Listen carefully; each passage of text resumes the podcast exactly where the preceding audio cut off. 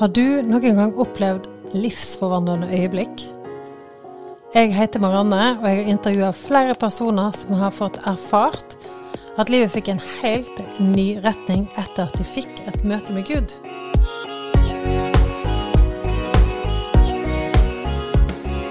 Jeg bor i Oslo og jobber som familieveileder og coach. Jeg har alltid likt å høre folk sine historier, særlig hva som skaper de store og de gode endringene. Denne episoden så er det Line Therese som skal fortelle sin historie. Jeg, jeg, kunne kjenne hvordan Guds kraft rett og slett bare drev ut alt det som hadde tynga meg og undertrykt meg da, så ja. lenge. Hallo, hallo. Hei, hei. Så kjekt å ha deg her, Line Therese. Takk for at jeg fikk komme. Du, jeg har jo uh, fått anbefalt å snakke med deg av en felles bekjent. Det er faktisk to år siden jeg ble tipsa om det, men nå er du endelig her, Line Therese. Jeg er så glad for det. Det er veldig hyggelig å være her òg. Men du, kanskje du uh, Jeg vet jo ikke så mye om deg. Vi har vel ja, gått noe i de samme miljøene. Kanskje du kan bare si litt om litt sånn fakta om deg sjøl? Om det er fun facts eller bare fakta. Det er alltid interessant. Alt av interesse. Ja. Eh, jeg kommer opprinnelig fra Sandefjord. Bodde i Oslo i 14 år. Er 36 år. Er veldig glad i musikk. Holder litt på med hest. Holder på å lære meg fransk. Ja. Oi, Alta. Ja. Veldig gøy. Ja. Du er en multitasker. Ja, jeg liker å ha mye å holde på med. Mange ja. interesser. Så gøy. Hva mm. liker du best, da? Godt spørsmål. eh, det å lese Bibelen er jo eh, noe av det beste jeg vet. Men det å møkke ut av en eh, boks, det er eh, faktisk ganske meditativt, det også. Tror ja, jeg. Mm. Du, da da kan jeg for så vidt se for meg, selv om det ikke var sånn superfristende tanke. Men i boksen, da tenker du med hesten? Ja. ja. Mm. Men du, du har jo et vendepunkt, eh, selvfølgelig. Det er jo derfor du sitter her. Kunne du sagt bare sånn med veldig korte setninger hva vendepunktet ditt handler om? Vendepunktet mitt kom 14.8.2018 da jeg ble satt fri fra angst og uh, mye indre uro som jeg sleit med i mange år. Veldig spennende. Det, og det skal vi jo gå så mye, inn, så mye mer inn på. Men uh, bare litt hvordan var livet ditt før dette vendepunktet? For dette vendepunktet handler jo litt om at du ble satt fri, men f.eks. har du vært kristen alltid? Jeg vokste opp i en uh, kristen familie i uh, eh, pinsemiljø, pinsemenighet, hadde jo alltid en gudstro. Jeg hadde ikke et personlig forhold til Jesus på samme måte som jeg har i dag. Så jeg hadde jo alltid med meg den ballasten, kall det det, da. Også da jeg flytta hjemmefra. Men etter hvert så sklei jeg vel litt ut på mange måter. Levde vel basically som alle andre, hvis det gir mening. Eh, og så merka jeg at Jesus begynte å kalle på meg igjen eh, for ti år siden. Eh, det var en liten prosess, det var sånn det var for meg i hvert fall. Så tok jeg deg imot for ti år siden. Så levde jeg et, eh, et kristenliv som var mye prega av eh, bibellesing, bønnemøter. Hadde jo et, et levende kristenliv på, på mange måter, men, men kjente samtidig at det var mye som tynga meg, da som jeg ikke helt klarte å sette fingeren på, egentlig. Hvordan merker du, merker du at noe tynger deg? Jeg sleit veldig med angst. Eh, mye tankekjør. En sånn indre uro som aldri slapp taket. Eh, de som har eller har hatt angst, vet nok veldig godt hva jeg snakker om. For det føles som å være i en sånn, et, sånn, et fengsel, nærmest, som ikke du slipper ut ifra. At du leter sånn desperat etter en, en utgang, en utvei, men du slipper bare ikke ut av det en indre uro som aldri ville slippe taket, som alltid lå der. Ja, alltid, faktisk. Besta hele tiden. Mm. Mm. Mm. Det var selvfølgelig enkelte ting som kunne trigge det, men det var der eh, konstant hele tiden. Mm. Og hva gjorde dette med deg, egentlig? Det var veldig slitsomt. Eh, jeg var utrolig stressa. Eh, jeg tenker at det å oppleve perioder med stress i løpet av livet er jo helt normalt. Det være seg i forbindelse med at man kanskje har starta en ny jobb, eller man er i en flytteprosess, at du går inn med en krevende periode av livet. Så tenker jeg at en sånn stressreaksjon er jo helt normalt i hektiske perioder osv. Men for meg så var det, det var en opplevelse at kroppen var i konstant alarmberedskap. da. Det må jo ha vært utrolig slitsomt. Det var veldig, veldig slitsomt. Mm. Var det noen som merka det på deg òg, at eh, du hadde det på denne måten? Ja, mine nærmeste gjorde jo det. Uh, og jeg hadde jo sånn egentlig hele mitt voksne liv. Sånn at de som ble kjent med meg også, tenkte jo at det var bare sånn jeg var. Jeg kunne også slite mye med, med sinne. Jeg kunne bli fryktelig sint. Faktisk så sint at jeg kunne få sånne raseriutbrudd og nesten ikke liksom huske så mye av det etterpå. Det høres jo veldig voldsomt ut, men eh, det var jo sånn jeg opplevde det. Jeg følte som at det alltid var noe som, som tynga meg ned. Da. Og, og, du hadde jo en jobb i denne tiden. Hvordan, eh, hvordan fungerte du i jobben din, og hva jobber du med? Eh, jeg hadde en ganske prestasjonsbasert jobb, som jo ikke var eh, kanskje det beste å ha i en sånn situasjon. Det var jo ekstra, en ekstra belastning, kan du si. Eh, som bidro til at jeg ble mye mer stressa. Det var ikke en helt sånn vanlig åtte til fire-jobb. Jeg opplevde en periode å bli sykemeldt, noe som var utrolig trist og uh, føltes som et nederlag på mange måter. Fordi jeg ville jo være på jobb, jeg ville jo videre, jeg ville jo prestere. Jeg har alltid vært veldig glad i å jobbe, veldig arbeidsom. Så jeg opplevde det som, uh, som ekstra tungt, selvfølgelig. Men det sa rett og slett bare stopp. Jeg utvikla et magesår og var rett og slett helt utmatta. Men var dette noe sånn før du ble utbrent og ble sykemeldt? Før du ble sykemeldt, eh, var det, noe, kunne, var det noen i jobben din som merka Kunne du få et raseriutbrudd på jobb, eller? Nei, heldigvis ikke. Det var eh, jeg, jeg må bare se for meg. Uh. Ja, jeg skjønner.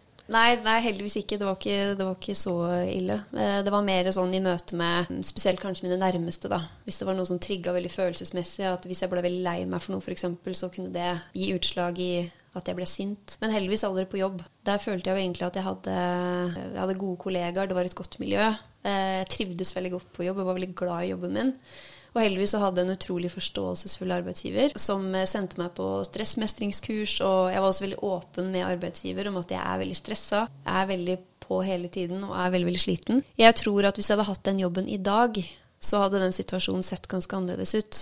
Eh, men det at den jobben var såpass prestasjonsbasert, så var det bare en sånn ekstra byrde, da, med tanke på at jeg slet så mye med angst som det jeg gjorde. Absolutt. Det er ikke den jobben man trenger da, når det ligger under som en mulig potensiell trigger. Hva sa de nære rundt deg om denne situasjonen når du var sykemeldt, og den angsten, den uroen, det sinnet? Jeg prøvde jo det meste.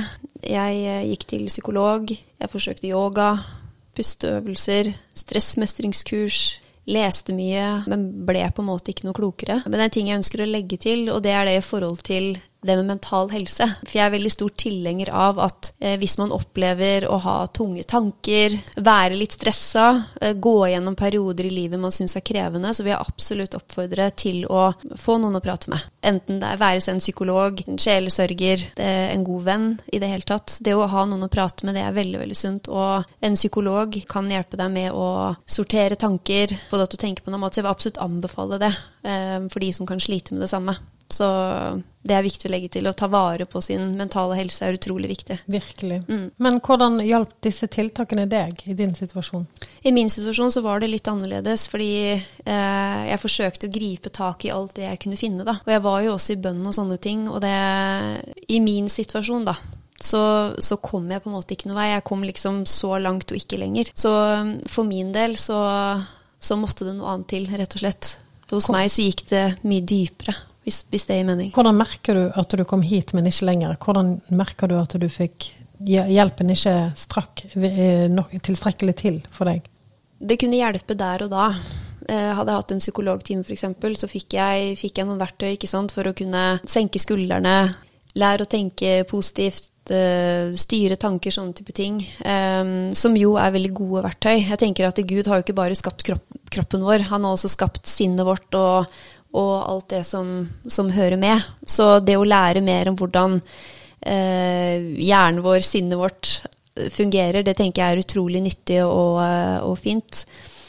Men for min del, som sagt, så var ikke det tilstrekkelig, da. Det, det hjalp der og da, men så kom denne angsten og denne indre uroen veldig fort tilbake. Og nå var jo du òg eh, blitt kristen. Var det sånn at du ba ofte om å bli frisk eller bli helbreda fra dette? Ja, jeg gjorde det. Og jeg husker eh, en av de siste opplevelsene jeg hadde før jeg ble satt fri. Det her var jo i august 2018. Og jeg husker natt til 17. mai samme året. Og så våkner jeg midt på natta med et sånn skikkelig angstanfall. Og det føles nesten som at jeg blir revet opp innvendig. Jeg vet at det kan høres veldig voldsomt ut, men det er den beste måten jeg kan beskrive det på, egentlig. Hadde så indre uro, var ikke i stand til å klare å slappe av ordentlig. Jeg visste ikke hva sjelefred var, faktisk. Og det, jeg vet at det kan være litt kontroversielt å si, med tanke på at jeg faktisk var eh, kristen på dette tidspunktet. Jeg hadde jo tatt imot Jesus som, som frelser og levde et, eh, et, et kristent liv på alle mulige måter. Men det var rett og slett ting som jeg trengte å bli satt fri fra. Og hva var det som skjedde sånn rett opp mot dette vendepunktet ditt? Altså den, eh, det som gjorde at du ble helt fri? Jeg var jo som sagt eh, jeg var frelst, født på ny. Levde et, eh, et liv med Jesus. Hadde allerede opplevd mange mirakler, mange overnaturlige ting. Hadde et, et nært forhold til Den hellige ånd. Hadde allerede på det tidspunktet kjent hvordan det var å overgi meg til Den hellige ånd i bønn. Og stolte på han som, som en nær og god venn. Jeg hadde mange opplevelser eh, da jeg var yngre. En ganske tøff barndom på mange måter. Opplevde mange vanskelige ting som hadde satt sine spor i sjelslivet, rett og slett. For det er jo det man må skille på. Det med ånden og sjelen og kroppen. For vi er jo tredelte vesener sånn sett. Sånn at eh, ånden min var jo frelst og beskytta av Den hellige ånd. Men i sjelslivet mitt så hadde jeg, jeg hadde noen sår på sjelen, da som rett og slett ikke var deala med, hvis man kan si det på den måten. Så jeg var mye i bønn eh, og begynte å kjenne at det var eh, noe som var i ferd med, med, å endre seg. Og eh, kvelden før jeg opplever å bli satt fri, så leser jeg en bok som handler om dette med åndelig krigføring og rett og slett bønner og proklamasjoner man kan be ut da, i bønn, hvilket jeg gjorde. Og jeg merka det at det, det satte i gang noen prosesser i det åndelige. For det er ofte sånn at ting eh, manifesteres i det åndelige før, før, vi får det i det fysiske. Og hva merker du skjedde når du proklamerte ut? Var det noe som gikk opp for deg du ikke hadde visst fra før, eller hva fant du ut? Jeg kjente en, eh, eh en forandring, rett og slett, eh, der og da. Jeg kjente at det var noe som var i ferd med, med å skje inni meg. Hvordan merka du det? Det var et ganske sterkt øyeblikk på mange måter. Det var en proklamasjon jeg ikke hadde turt å be ut, for den var eh, ganske voldsom. Den rett og slett tar autoritet i, eh, i, det åndelige, og tar autoritet i Jesu navn, for det er jo det navnet det er autoritet i. Over et område i livet ditt? Ja, Eller, ja som, du, som, du, ble minnet på at nei, dette her må jeg ta autoritet over? Ja. ja mm, mm. Skjønner.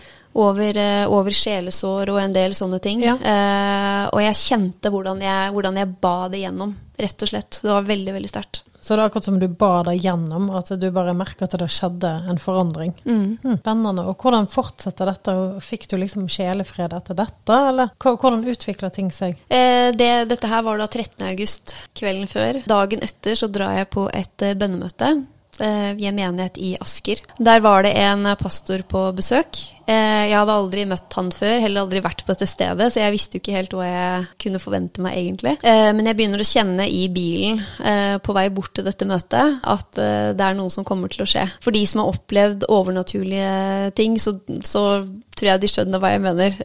Du kan kjenne det på hele deg at det er noe som er i ferd med å skje. Så jeg kommer inn på dette bønnemøtet og kjenner på følelser jeg egentlig aldri har kjent på før. Kjenner at det er et veldig mektig gudsnærvær der.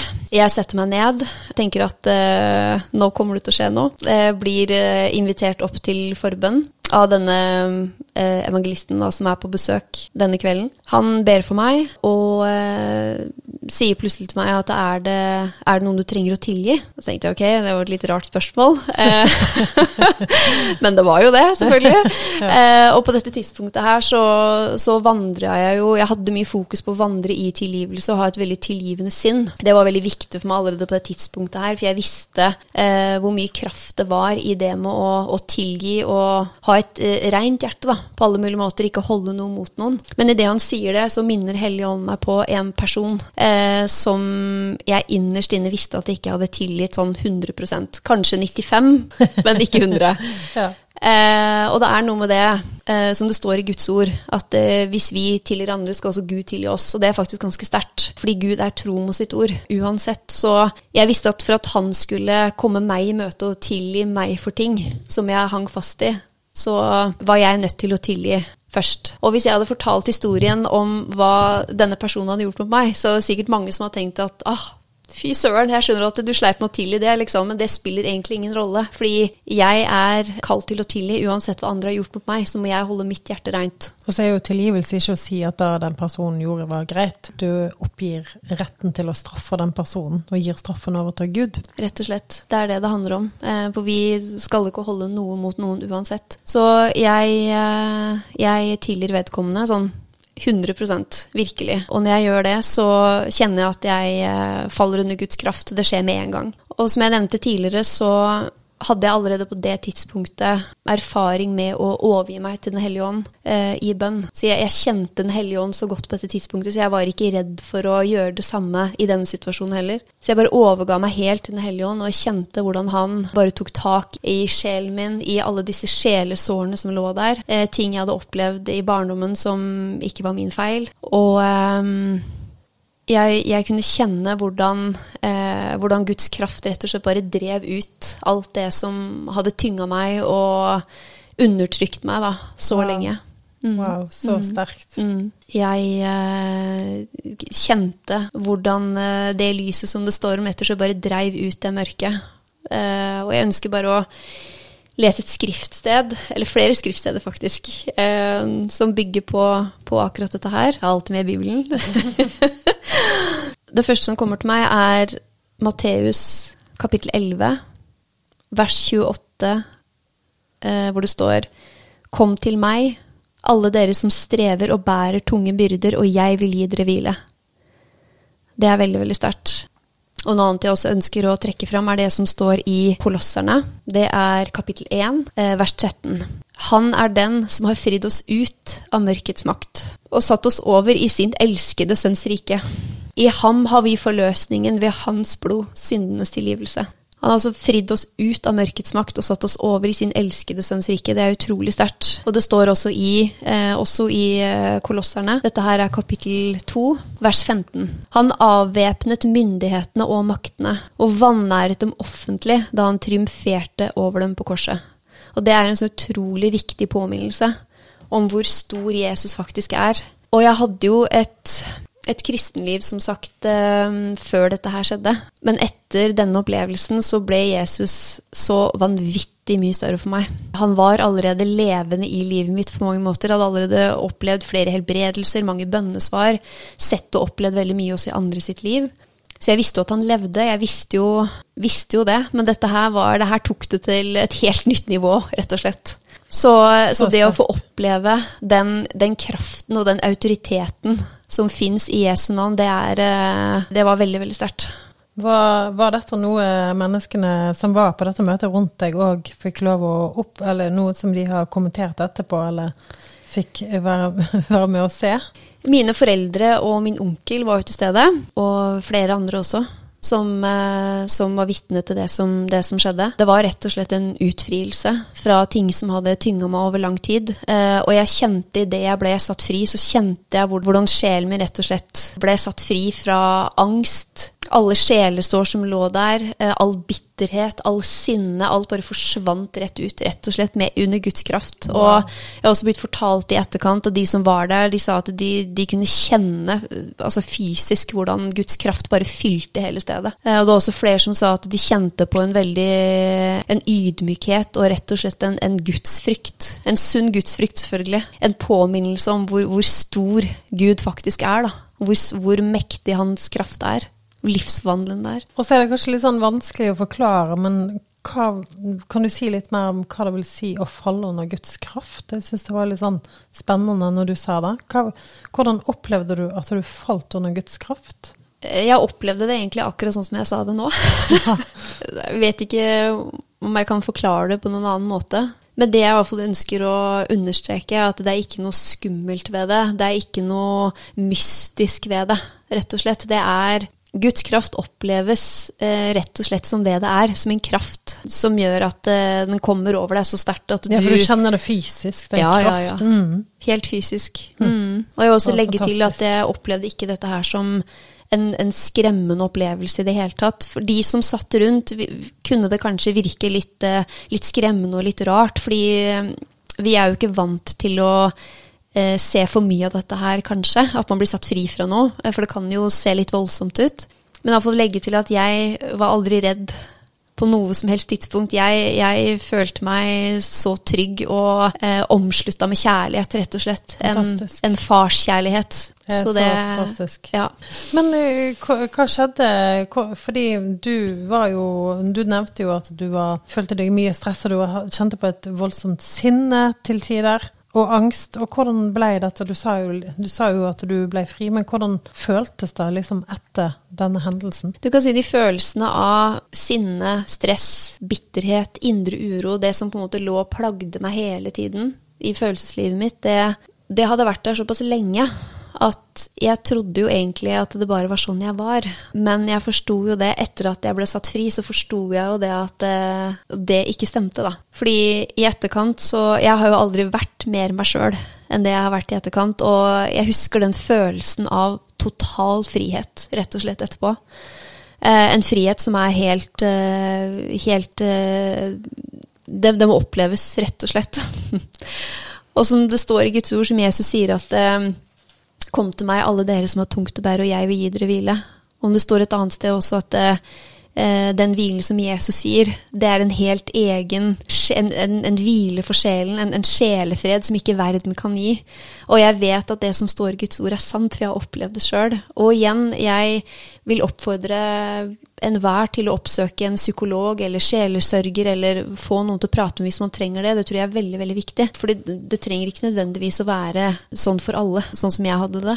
Men i mitt tilfelle, som sagt, så var det Det var ingenting mennesket kunne gjøre for meg. Det lå på et så dypt plan at det var rett og slett bare eh, Guds inngripen som kunne hjelpe meg. Og hvordan var dagene som fulgte? Åh, det var Altså, jeg var så forelska i Jesus at jeg visste ikke hvilket bein jeg skulle stå på. altså, det var for alle som opplevde å, å være forelska, det er den følelsen ganger 100.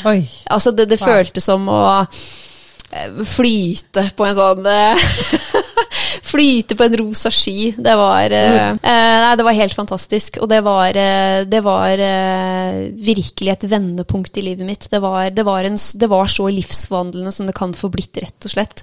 Og jeg kjente på en sånn dyp takknemlighet for det Jesus har gjort for oss, og for det, han, for, det han, oppnådde på, på Golgata, hvor han sa at det er fullbrakt, det er gjort ferdig eh, en sånn dyp takknemlighet for hva han faktisk var villig til å gå igjennom for at vi skulle bli satt fri. Det er, eh, det er helt ufattelig, faktisk. Og, det, og, jeg vet at det bare var pga. Jesus at jeg kunne bli fri.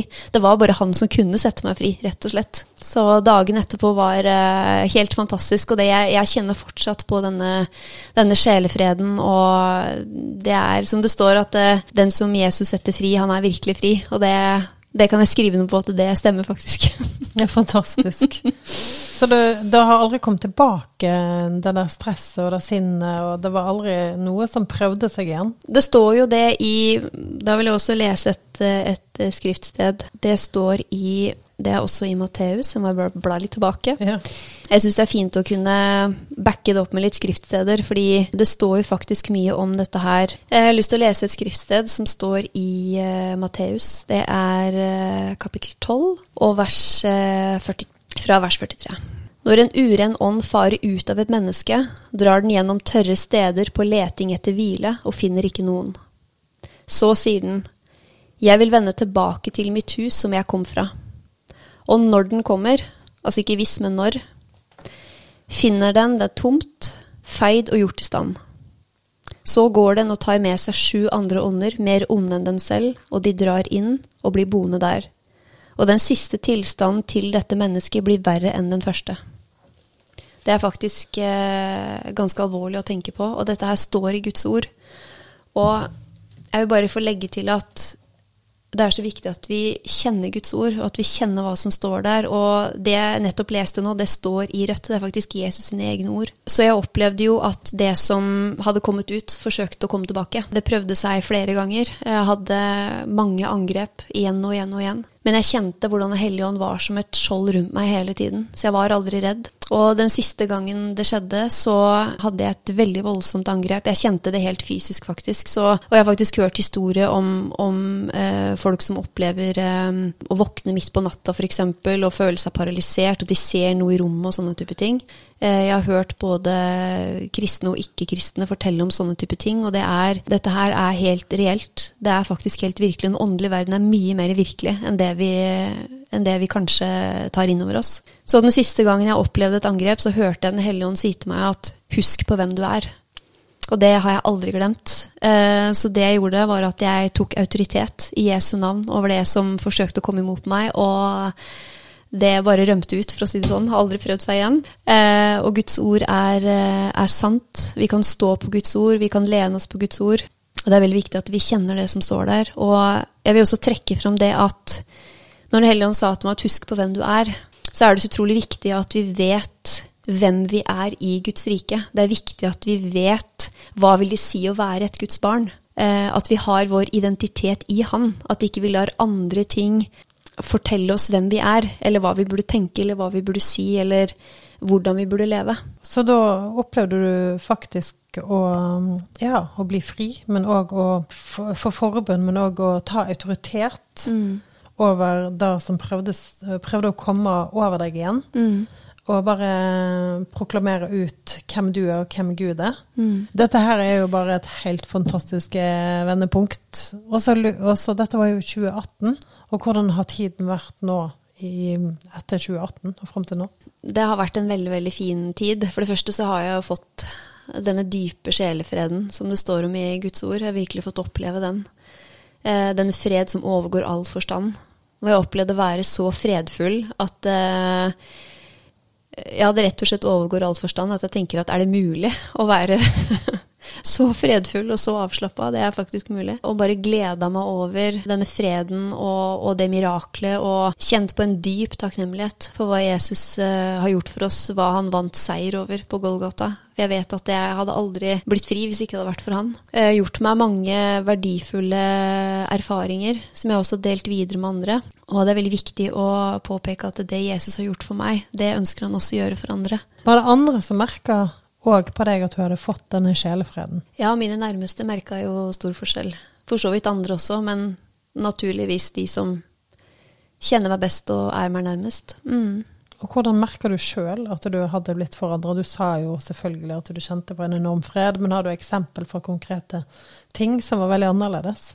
Situasjoner som tidligere ville stressa meg veldig, trigga meg veldig, hadde ingen effekt på meg lenger. Jeg kjente at jeg var eh, helt, helt, rolig, helt balansert uansett. Jeg ble ikke sint lenger. Eh, det var heldigvis ikke noe jeg var veldig plaga med. Det var jo ikke sånn at jeg til stadighet var veldig sint. Jeg har alltid stort sett hatt godt humør. Sånn har jeg egentlig alltid vært. Men som sagt, kunne oppleve å bli veldig sint i, i sammenhenger hvor jeg ble såra og lei meg, sånn type at jeg heller reagerte med sinne. Det var også helt borte. Det var akkurat som at alle de sårene jeg hadde på sjelen, at det var bare blitt helt lekt, rett og slett. Det er helt mm. fantastisk. Den beste måten jeg kan beskrive det på. Dette er jo bare så sterkt å sitte og høre på. For et vendepunkt. Og det er jo så mange eh, aspekt og nyanser og så mye man kunne trukket fram. Men jeg var liksom interessert i hva er det du sjøl sitter liksom igjen med, som har blitt viktig for deg gjennom dette vendepunktet her, eller gjennom denne erfaringen? Jeg sitter igjen med veldig mange forskjellige typer erfaringer som jeg også gjerne vil dele med andre. Jeg sitter jo også igjen med en erfaring om at en enda større erfaring om at det som står i Guds ord, faktisk er sant. Og ikke minst hvor, hvor mye kraft og autoritet det er i Jesu navn. Og ehm, jeg ønsker å sette fokus på, da, hvis man kan kalle det at vi må få mer erfaring med eh, hvilken autoritet vi faktisk har i Jesus, for vi har en enorm autoritet. Jeg opplever at vi, vi ofte synger om at eh, Jesus er majestet, og at han er navn over alle andre navn. Ja, jeg, ja. Så, som er veldig fint og veldig mm. bra, det skal vi fortsette med. Ja. Men så tenker jeg, har vi fått en, en åpenbaring eh, av hvor sant det faktisk er? Tror vi virkelig på det vi synger om? Har vi fått en, en, en erfaring med at det vi synger om, faktisk er sant? Fordi når jeg, når jeg, synger nå om at Jesus er navn over alle, alle andre navn, så, så, eh, oppleves det ganske annerledes nå eh, i etterkant enn hva det gjorde før jeg ble satt fri. Fordi jeg vet at eh, Altså, jeg, jeg, synger det med en helt annen overbevisning, da. Så eh, det er vel noe jeg ønsker å trekke fram og sette mest fokus på. Og jeg vet at det, det kristne livet og menighetslivet i seg sjøl kan fort bli eh, liksom rutinebasert og, og, kanskje også litt kjedelig for noen i lengden, hvis ikke Den hellige ånd er med på det som skjer. Og Det syns jeg er utrolig viktig å, å påpeke, fordi jeg tror, det, jeg tror det er helt avgjørende faktisk at vi lar Den hellige ånd få mer plass, for det første, i, i kristenlivet vårt. At vi overgir oss enda mer til han på individnivå. Men altså, at vi også lar han få mye større plass i menighetssammenheng. Da, i, i, møter, i gudstjenester, i, på bønnemøter i det hele tatt. ville han få lov til å lede. Fordi han vet hva som ligger på, på alles hjerte. Han vet hva hver og en sliter med. Hva hver og en trenger, rett og slett. Og øh, trenger, trenger ikke nødvendigvis å være sånn at alle trenger det samme som jeg trengte. Noen behøver kanskje bare gåseøyne, et oppmuntrende ord, en klem. Det kan, det kan, være hva som helst, men jeg tror det er utrolig viktig at vi lar han få lov til å lede, fordi han vet best hva som skal til, rett og slett. Og det når Guds kraft kommer, så får et møte aldri blitt kjedelig, for å si det sånn. Det er sant. Det er sant. Og det er det som, eh, det er det som eh, forandrer liv, rett og slett. Eh, jeg har lyst til at du skal be om at vi skal få litt mer, åpen, få mer åpenbare om hvem Gud er. Mm. Og òg kanskje du vil be for noen som er, har vært i samme situasjon som du har vært i. Men det er bare noe du vil legge til før bønnen? Jeg vil i hvert fall komme med en oppfordring om at hver og en av oss blir enda tryggere i hvem vi er som Guds barn. Ehm, det tror jeg også er en helt sånn helt avgjørende for at vi skal kunne finne vår plass i, i Kristi kropp. Da. For det er en kropp med mange forskjellige lemmer. Vi er alle skapt forskjellig, har ulike kall, ulike gaver. Og jeg tror da at jo mer vi finner vår identitet i Han, jo mer tror jeg også at vi kan eh, innta mer av det Han har kalt oss til, da. Rett og slett. Så gjerne be over da.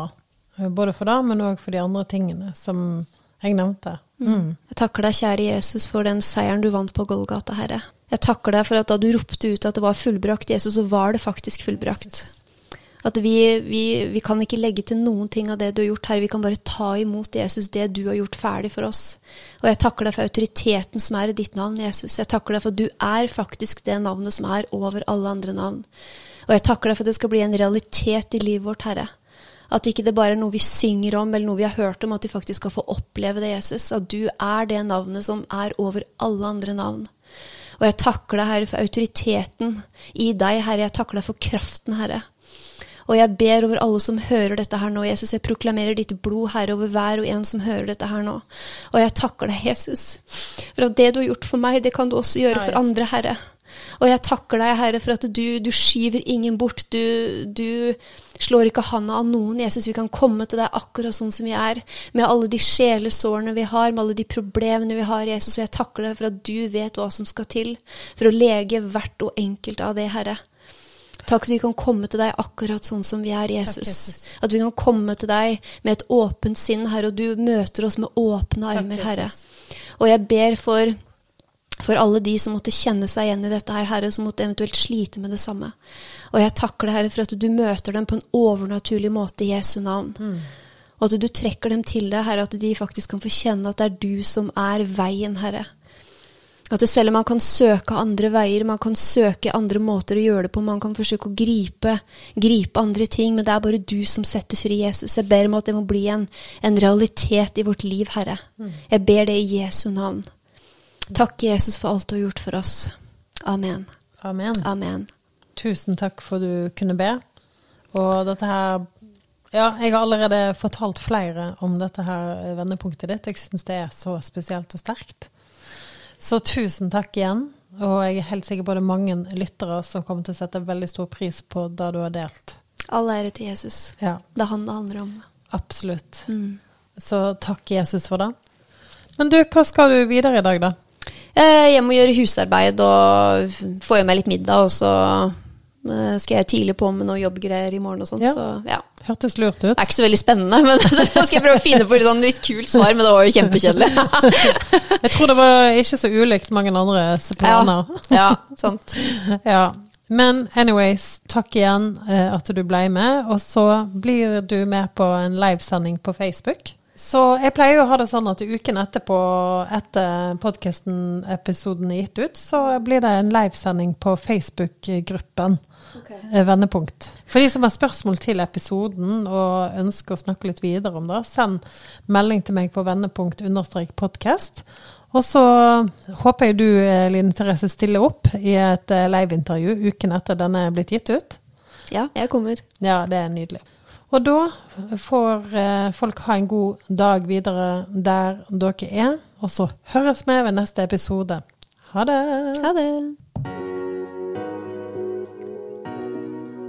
Nå hørte du Line Therese dele sin historie. Hun gikk fra et liv med angst og indre uro til dyp sjelefred.